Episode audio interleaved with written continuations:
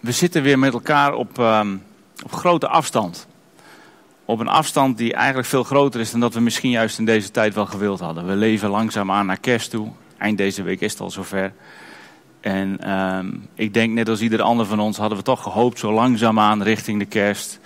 Misschien kunnen we wel weer wat meer bij elkaar, de regels wat losjes. Al is het misschien alleen even rond de kerst. Maar nee, dan zitten we toch weer op deze afstand met elkaar. En ik geloof, ik wil er niet al te veel over zeggen, dat in wezen zijn we daar natuurlijk niet voor gemaakt. We zijn gemaakt om bij elkaar te zijn. De mens is gemaakt om relatie te hebben met elkaar. Om verbonden te zijn met elkaar, elkaar in de ogen te kunnen kijken. Maar tegelijkertijd geloof ik dat het op dit moment ook even is zoals het moet zijn op dit moment. Het is even niet anders. De maatschappij vraagt ook van ons als kerk om op deze manier gemeente te zijn. En zoals de raad eigenlijk al schreef in de brief aan de gemeente, is dat een heel moeilijk besluit geweest. En ik ben daar zelf niet bij geweest. Maar ik kan me wel ontzettend voorstellen dat dat een heel moeilijk besluit is geweest. Wat je ook kiest, je kiest iets wat mensen niet willen. En dat zijn uh, onprettige boodschappen, onprettige en, en moeilijke beslissingen om te nemen. Maar ik wil eigenlijk ja, toch ook wel vragen aan een ieder, en dat, is, dat zeg ik ook tegen mezelf, om daar dan maar achter te gaan staan. En als collectief um, de boodschap te nemen zoals hij is. En om daar ook mee misschien, zoals Jezus dat zei, hè, zoals in de Bijbel staat, de wereld tot een stukje jaloersheid te verwekken. Om te laten zien dat we toch een collectief zijn. Ik ga daar straks nog wel wat meer over zeggen. Als ik even voor mezelf spreek, zoals ik hier nu sta, ik vind het eigenlijk vreselijk dat ik het op deze manier moet doen. Ik vind het altijd fijn als ik mensen toe mag spreken, dat ik af en toe wat gezichten zie. En dat ik uh, niet in een klein lensje hoef te kijken, maar dat ik, uh, ondanks dat ik de enige ben die daar misschien af en toe aan het woord is, toch een gesprek heb met mensen. En dat doe je door interactie te hebben. Dat vind ik niet fijn. Tegelijkertijd ben ik ontzettend blij dat we dit kunnen doen. Dat we um, een kerk hebben, een gemeente hebben die, dit, die de middelen heeft om dit te dragen. Dat we een club met mensen hebben, en dat zien jullie nu allemaal niet, maar die hier de afgelopen dagen met elkaar onvoorstelbaar veel werk hebben verzet. Kennis, kunde en tijd en uren erin hebben gestopt om dit mogelijk te maken. Dat vind ik heel bijzonder. Tegelijkertijd ben ik heel blij dat we in een land leven waar je zomaar een internetkanaaltje kunt openen om verbonden te zijn met elkaar. En zomaar bijbelse boodschappen mogen delen zonder dat er straks thuis iemand bij mij op me, op me zit te wachten om mij te arresteren. Er zijn nogal wat landen waar dat ook aan de hand is. Dus laten we ook ondanks dat het moeilijk is, uh, onze zegeningen daarin tellen. Toen ik deze uh, toespraak aan het voorbereiden was, kwam ik een, een, een, uitspraak tegen van Corrie ten Boom. En Corrie, voor de mensen die haar niet kenden, is een dame die leefde van 1892 tot 1983.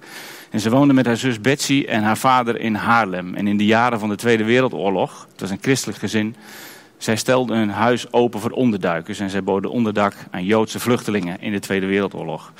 En er was veel verzet in de oorlog, maar er was ook ontzettend veel verraad. En zo is ook de familie ten Boom is uiteindelijk verraden. En uh, de Joden zijn, die ze verborgen hielden zijn wonderwel gespaard gebleven. Maar de familie werd opgepakt. Vader overleed al in Scheveningen in de, in de gevangenis. En Betsy en haar zus uh, Corrie, die twee werden naar uh, Ravensbrück getransporteerd. En daar zaten ze in een concentratiekamp. Betsy is daar overleden en Corrie heeft dat wonderwel overleefd. En toen zij na de oorlog toen de oorlog voorbij was en alleen was, toen zei ze, nu wil ik nog maar één ding. Ik wil de wereld over om de mensen van Jezus te vertellen. Zij had in de barakken in Ravensbrück had ze het voor elkaar weten te krijgen om haar bijbeltje mee naar binnen te smokkelen. Er is ontzettend veel bijbelstudie gegeven. Er zijn mensen tot, tot geloof gekomen. En ze heeft geleerd hoe Jezus eigenlijk licht brengt op de meest duistere plekken. Het bijzondere van hoe God dan met mensen werkt, is dat hij tegen Corrie zei van ik, vind het mooi dat je dat doet. Het is goed dat je dit doet. Ik roep je hiertoe. De eerste plek waar je naartoe gaat is Duitsland. Direct na de oorlog kon Corrie naar Duitsland, wat ze niet wilde. Net als wij, we zitten in een situatie die ze niet wilde. Maar Corrie moest daar in haar eerste ja, zendingsmissie leren dat zoiets ook begint met vergeving. Met, met verzoening en met over de problemen heen stappen en kijken naar wat ze wel kon doen.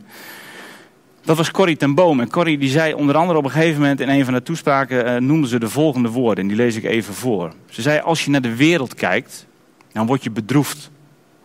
Als je naar binnen kijkt, naar jezelf, dan word je depressief. En als je kijkt naar God, dan word je rustig. Dat zijn drie heel eenvoudige zinnetjes eigenlijk. Maar als ik nu naar de wereld om me heen kijk, dan is er heel veel om, om inderdaad bedroefd van te worden. Dan hebben we het nog niet eens alleen over corona. Er zijn zoveel dingen aan de hand. De wereld zucht in barensnood, zegt de, wereld, zegt de Bijbel. En ik denk dat het alleen maar erger wordt. We zien er natuurlijk ook steeds meer van door allerlei moderne middelen.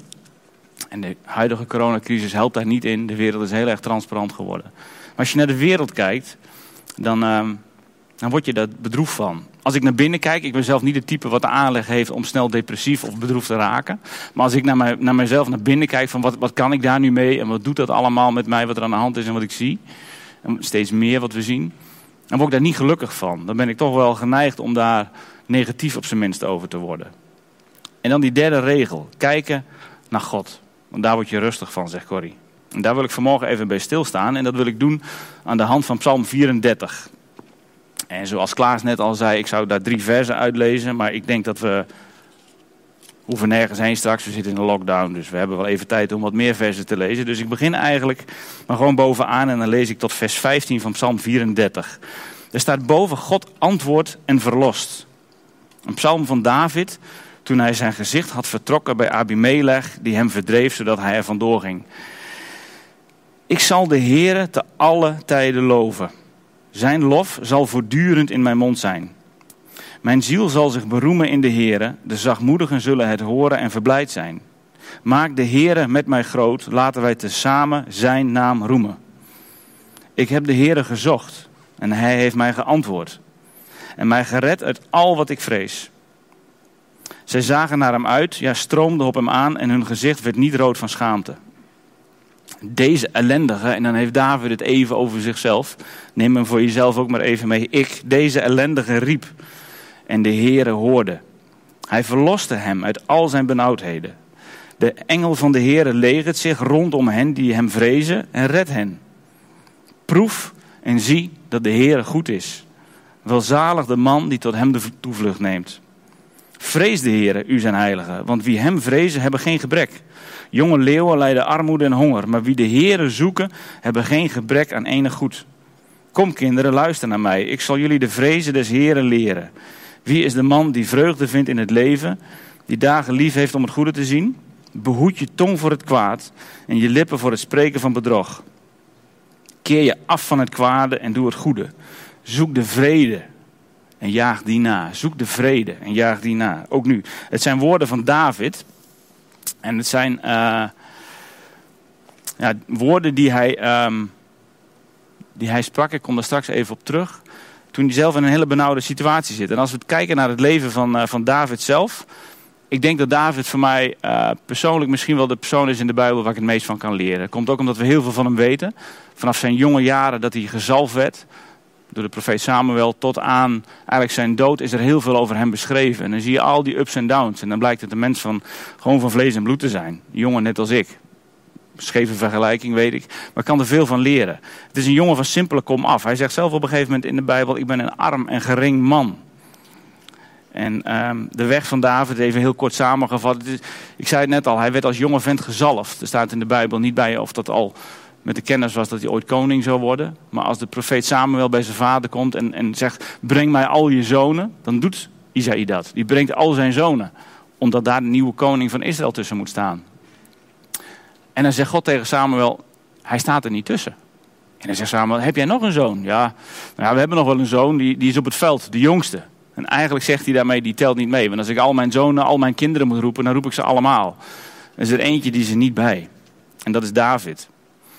Maar David wordt gehaald en hij wordt gezalfd. In vergelijking met de zonen, die, die andere zijn broers, die er meer voor in aanmerking zouden komen, op menselijk oog gezien. Maar David wordt gezalfd. Later, kort daarna, komt David aan het hof van Saul, van de koning. Omdat Saul depressies uh, heeft. En dan zegt er iemand, ik weet iemand die harp kan spelen. En dan wordt David al naar het hof gehaald om daar, um, om daar voor, voor, voor Saul te spelen. En dan komt er het moment dat David natuurlijk Goliath verslaat. Kent dat verhaal allemaal wel. En um, dat maakt samen, of David ontzettend populair onder het, onder het volk. En dat wordt Saul te veel en Saul neemt het plan om David te vermoorden. En dat doet hij eerst door hem eigenlijk zijn dochter te geven. Trouw maar met mijn dochter David, dan word je lid van de familie. En dan kun je mee in de veldslagen. En dan zullen de Filistijnen, zoals de Bijbel dat zegt, de hand wel aan hem slaan. En omdat David geen bruidschat kan betalen, zegt Saul tegen hem: ga maar 200 voorhuiden halen van de Filistijnen. Zo, want daar sneuvelt hij wel. Maar David en zijn mannen gaan. En hij komt terug. Hij doodt 200 Filistijnen. En dan zegt de Bijbel: ziet Saul dat de Heere met David is. En in de oorlogen die daarna volgen en waar David bij is, is hij elke keer de meest succesvolle dienaar van Saul. Omdat God, de Heere, met hem is.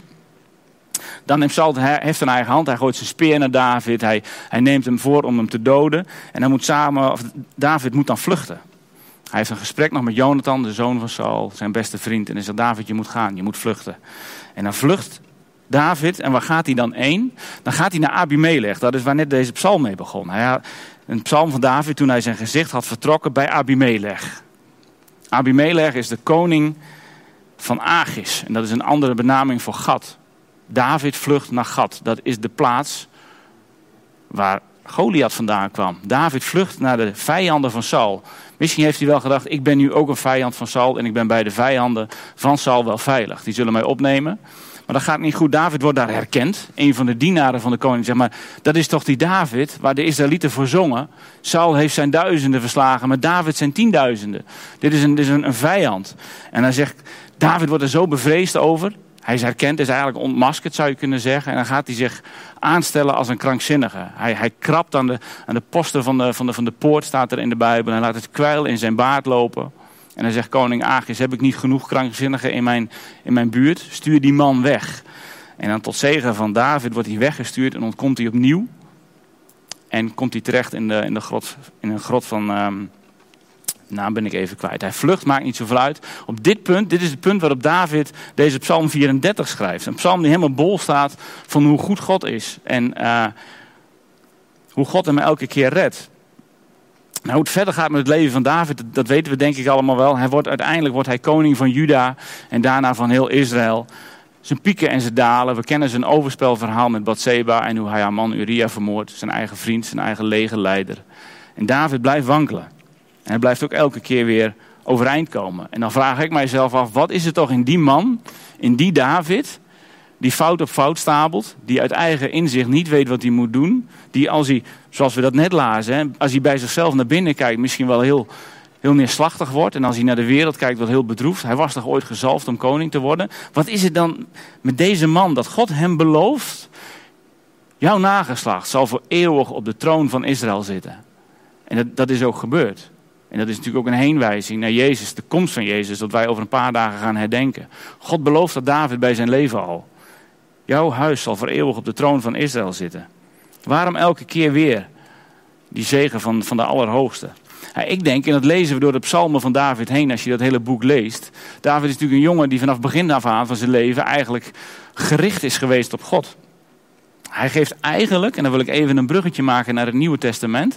Hij geeft oproep, of gehoor aan een oproep van Jezus, die Jezus aan ons doet.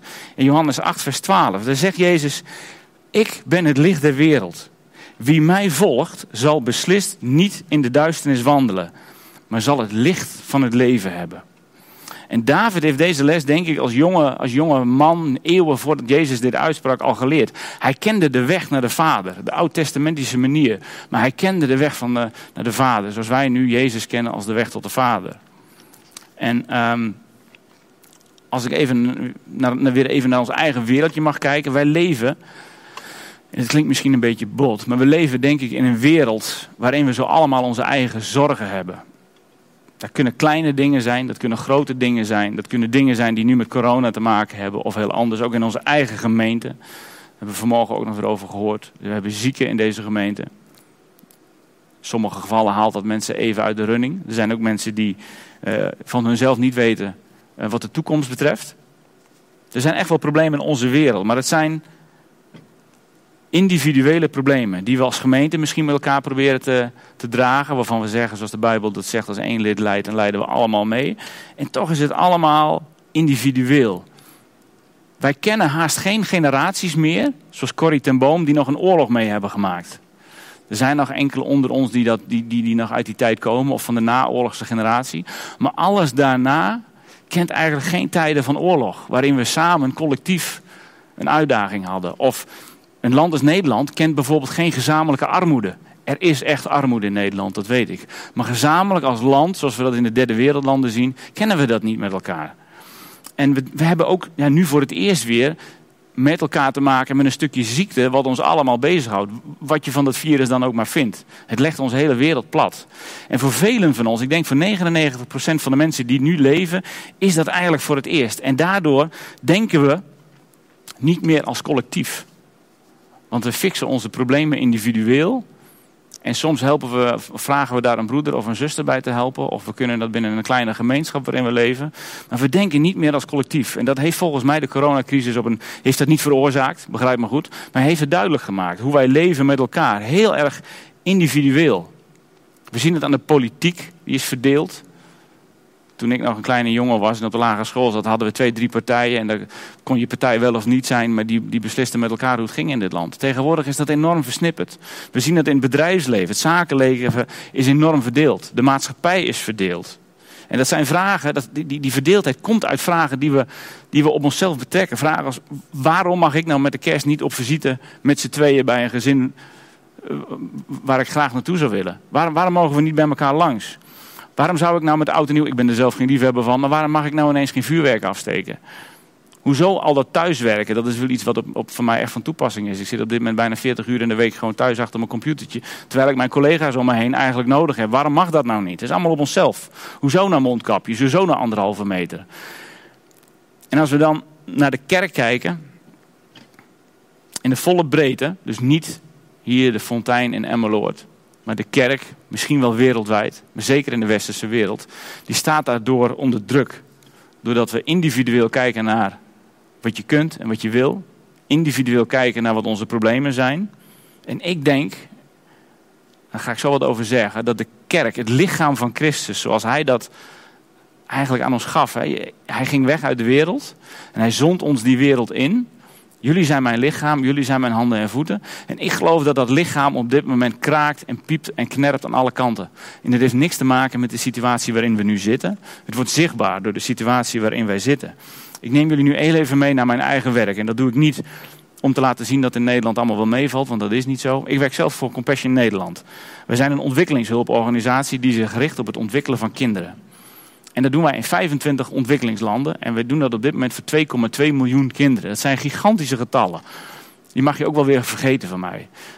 Maar wij werken in, op plekken, je zou kunnen zeggen, waar de mensen echt onderaan de ladder hangen. Wij werken samen met kerken. Dat is het ontwikkelingshulpmodel van Compassion. Wij werken op dit moment met meer dan 8000 kerken samen op die, in die landen waar we werken. En het zijn die kerken die de lokale noden kennen en die omzien naar de kinderen die daaromheen wonen. En dat zijn niet kinderen die lid zijn van die gemeente.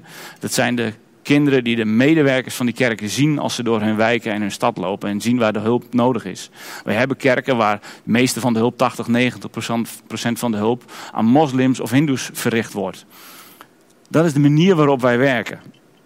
En op dit moment is het zo dat in die landen waar wij werken, daar zijn de problemen door corona enorm. Die zijn catastrofaal. De meeste van de arme mensen, die zijn zoals het in de Bijbel al was, van hun inkomen afhankelijk van, van, van dagarbeid. Mensen die s'morgens naar het, naar het marktplein gaan om te zien of daar ergens werk te vinden is. Zodat ze in ieder geval voor vandaag een paar, laat maar zeggen, euro kunnen verdienen. Maar dat mag nu niet. Het is lockdown. Het is overal lockdown. Je moet in je huisje blijven.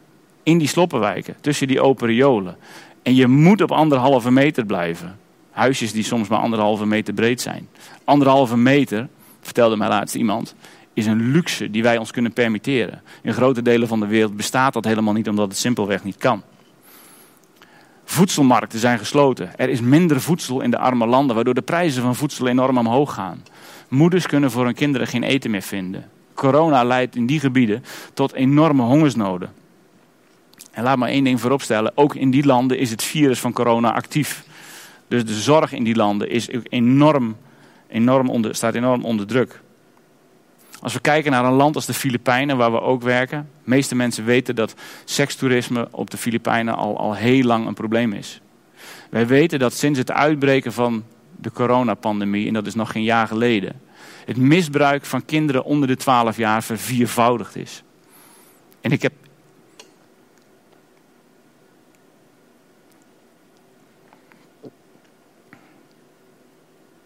...60% van de kinderen die daarmee te maken hebben, worden door hun ouders in die wereld gebracht. Omdat het daar bij de cultuur hoort.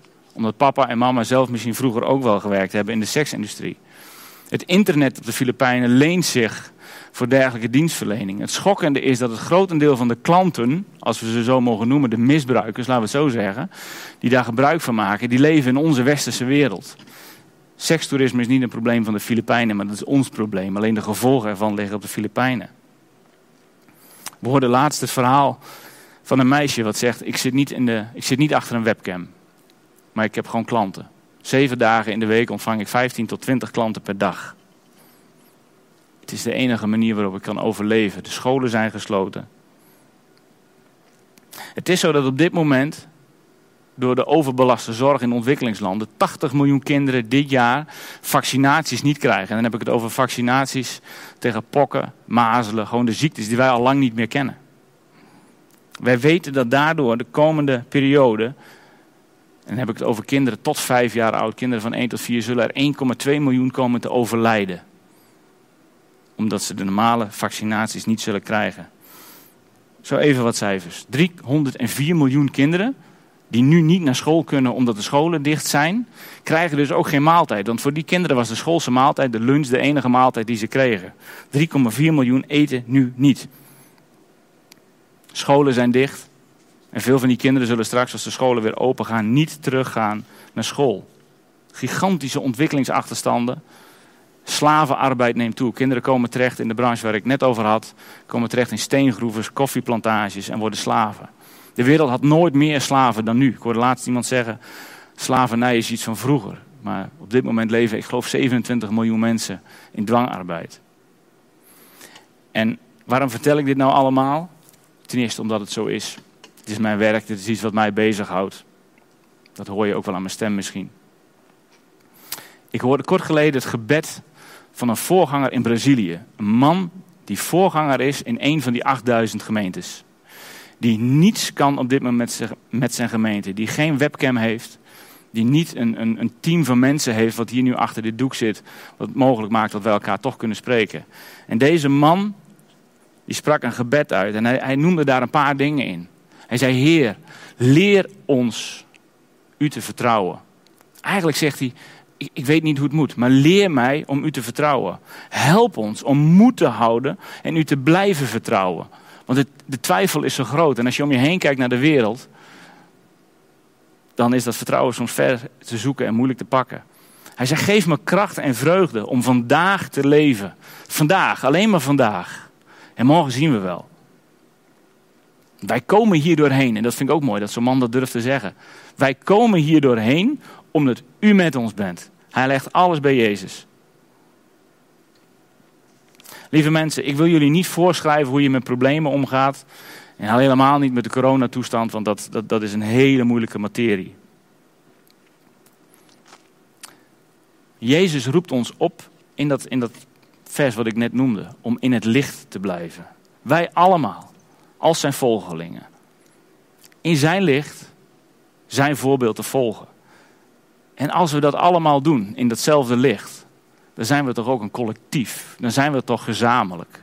Dan is het toch vanzelfsprekend dat we eigenlijk, misschien is deze tijd daar juist wel heel goed voor. Want dan staan we toch allemaal geestelijk op diezelfde plek. Betekent niet dat we het allemaal eens hoeven te zijn over, over hoe we de Bijbel moeten uitleggen. Of over hoe je met... Het is allemaal ook maar een beetje hoe je in elkaar gezet bent. God heeft ons verschillend bedoeld. Dus we denken verschillend over dingen. Ik denk dat dat een goede zaak is, want daarmee kunnen we elkaar aanvullen. Maar we vullen elkaar alleen aan als we allemaal in dat licht blijven. Volgens mij is dat waar Jezus ons toe oproept, zoals die, die, die voorganger dat in zijn gebed zegt. Vertrouw mij. En maak je nou geen zorgen over dingen waar je toch geen invloed op hebt. Dat zit zeker in ons westerse denken zit dat heel diep. Wij zijn zo gewend dat we alles kunnen maken en breken. Alles. We komen overal mee weg. Want we hebben ontzettend veel invloed. Dat wordt al gezegd bij de toren van Babel. Niets, zegt God, van wat ze zich nu voornemen zal onmogelijk, voor ze zijn. Wij kunnen heel veel. En toch zegt Jezus, volg mij. En laat mij de route bepalen. Zou ik niet het allerbeste met je voor hebben? Ik denk dat um, een, van de, een van, de, van de dingen die deze coronacrisis blootlegt, en de problemen waar we met elkaar in zitten, is dat we een tegenstander hebben. De Bijbel zegt dat Satan gaat als een briesende leeuw rond, zoekende wie hij verslinden zal. En hij weet dat hij in het slotakkoord van de wereld zit. En ik weet niet of Jezus morgen terugkomt of over tien jaar, ik heb geen idee. Maar de Satan weet dat hij in het slotakkoord zit. En hij gaat met hele grove maatregelen te werk. Hij is niet subtiel en hij is niet verfijnd. En wij geven hem met alles wat wij doen in onze maatschappij de middelen in, in, in de handen die hij nodig heeft. Hij heeft angst die hij onder ons zaait. Een van zijn meest krachtige wapenen. Hij zaait verwardheid, verdeeldheid, onvrede, afgunst. Het zijn allemaal dingen die ik om ons heen zie, en zeker in onze westerse wereld. En de Satan smult ervan. We maken het hem zo makkelijk. Lieve mensen, als Jezus terugkomt, hè, wat vindt hij dan? Ik zei het net al even, ik weet niet wanneer het is. Ik zie er enorm naar uit. Ik ben hier nog niet klaar, maar als hij nu komt is het goed. En dat spiegelen we denk ik, zoals ik dat nu eigenlijk ook zelf zeg, op onszelf af. Ik ben er wel klaar voor. Daar wordt ook vaak over gesproken, er zijn veel boeken over geschreven. Maar zijn we daar ook als gemeente klaar voor? Dat wat Jezus 2000 jaar geleden de wereld inzond. Jullie, niet jij en jij en jij. Jullie, jullie zend ik de wereld in. Vindt hij dan nog dat lichaam van hem terug waarvan hij dacht, ze hebben het na 2000 jaar toch een beetje begrepen? Zou hij dat nog vinden? Of zijn we, ja, misschien een beetje grof gezegd, maar zijn we dan toch een beetje allemaal met ons eigen gouden kalfje bezig? Hè? Mozes was een paar dagen weg en het ging al mis. Die vergelijking wil ik niet helemaal op onszelf leggen, maar als het even anders moet of anders gaat in dit land, in de wereld die we zelf zo gebouwd hebben, dan zijn we gauw gericht weer op wat ik net al zei. Dat, dat, dat, dat gericht zijn op eigen problemen, eigen oplossingen. Eigen boodschapjes voor de kerst allemaal binnen. Ik ook hoor. Ik ben geen haar beter. Vindt Jezus nog een collectief? We hebben nog God mensen die uh, alles in zijn hand heeft en die dit ook al wist. En ook de uitkomst van al deze dingen al weet. En ik, ik wil eigenlijk een beetje naar het einde toe. En um, ik denk dat de Bijbel ons roept, wat ik net aan het begin al zei, om andere mensen tot jaloersheid te wekken. En dat klinkt allemaal zo, zo ingewikkeld misschien, maar gewoon dat andere mensen denken, mensen die Jezus nog niet kennen, die, die misschien ons zien en denken, hé, hey, maar wat hebben die mensen? Wat is dat? Ik ben zelf zo tot geloof gekomen, omdat ik mensen in mijn eigen omgeving had, die iets hadden wat ik niet had, maar ik zag het wel. Ik kon het niet benoemen, maar ze hadden, ze hadden vertrouwen. Ze hadden hoop. Ze hadden, ze hadden het over een toekomst, terwijl ik met, heel erg met vandaag en morgen bezig was. Dat waren mensen die hadden vreugde, dwars door tranen heen. Omdat ze hoop en toekomst hadden. Dat zat een, ik gebruik het woordje dan toch nog maar weer even, eenheid en collectief in. Die waren met elkaar zo samen. Als ze elkaar als buren misschien getroffen hadden, hadden we het contact nooit zo gehad. Maar ik had ze aan mijn eigen keukentafel zitten en ik snapte er niks van. En ik werd daar stinkend jaloers op, in de, in in de goede zin van het woord. En ik denk dat we ons in deze tijd met name meer nog dan ooit, ook omdat we naar het einde van de wereld toe denderen, moeten we onszelf afvragen als mensen die Jezus nou niet kennen. Zouden die jaloers op jou zijn zoals jij vandaag in het leven staat en naar mij? Is mijn buurman jaloers op wat ik doe? En dan gaat het er mij niet om dat we moeten gaan evangeliseren of straks bij de buurman moeten aanbellen. Je mag toch niet binnenkomen. Gewoon in onze dagelijkse handel en wandel.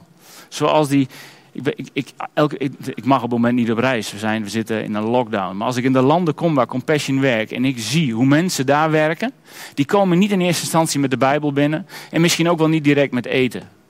Ik ken één verhaal, het schiet me nu te binnen, ik ga het nog even delen. Een jonge vrouw.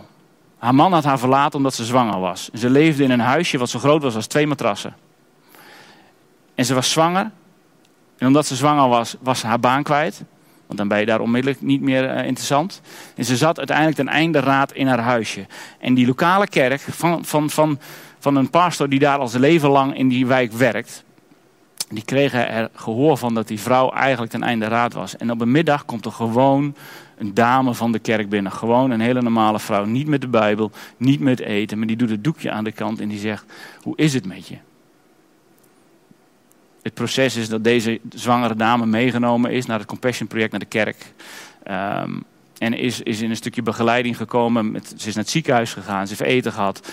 Die tweeling is gezond ter wereld gekomen. En toen ik bij haar op visite kwam, was die tweeling een paar maanden oud. En ik zei, hoe is dit allemaal goed gekomen? En toen zei ze letterlijk, de deur ging open en Jezus kwam binnen. En dat was die vrouw. Zonder Bijbel, zonder eten, zonder antwoorden. Maar die gewoon binnenkwam En die was wie ze was. Maar ze was een afgezant van Jezus. Ik denk dat Jezus daarvan wil dat wij getuigen zijn, getuigen zijn van, van zijn liefde, zoals hij zelf was toen hij hier uh, de wereld was, zijn licht.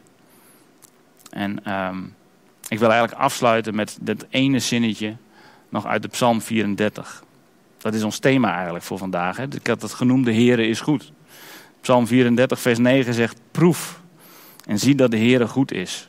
Welzalig de man die tot hem de toevlucht neemt. Als wij in dat licht komen en daar ruimte geven in dat licht voor iemand die anders denkt en misschien anders handelt en wandelt, dan kan dat misschien wel iemand zijn waar we heel veel van kunnen leren. Maar ik denk dat de wereld ons oproept om de wereld te leiden naar een, naar een, naar een oplossing. Zonder slimme plannen en zonder onze eigen intelligentie. Maar door te laten zien waar we zelf, onwetend als we zijn, vertrouwen en geloof in hebben. In onze verlosser Jezus Christus. Ik wil graag met jullie bidden. Vader in hemel, het is soms zo ontzettend moeilijk om in een periode als deze het licht te vinden. We zitten in de donkere dagen voor kerst, Heer. En we denken over een paar dagen dat u uw zoon naar de wereld zond. Jezus die misschien wel zei, Heer, Vader, als ik, als ik niet naar ze toe ga, gewoon als mens onder ze woon, komt het nooit goed. Ik moet ze leiden door naast ze te komen staan. En dat is wat u deed. U kwam naast ons staan, u leidde ons en u ging ons voor. U stierf voor ons, maar u stond ook op. En in die kracht, in die opstandingskracht, Heer, daarin mogen wij staan. Wetende dat in dit leven ons alles kan raken en kan breken. Maar dat in onze toekomst alles vast ligt. In uw hand. Heer, geef ons de rust en het vertrouwen als gemeente, maar zeker als gemeente wereldwijd, als uw kerk. Om dat licht te zijn. Om dragers te zijn van uw beeld. Dragers te zijn van uw verdraagzaamheid. Niet oordelen, Vader, ik bid u dat deze wereld ehm, niet verloren gaat aan een, aan, een, aan, een, een, tegenstander die het nu misschien wel allemaal in zijn schoot geworpen krijgt. Heer, ik, ik wil u vragen om, om de regie te nemen in uw kerk. En ons kneedbare mensen te maken, Heer. Die met elkaar in uw licht blijven. In Jezus' naam. Amen.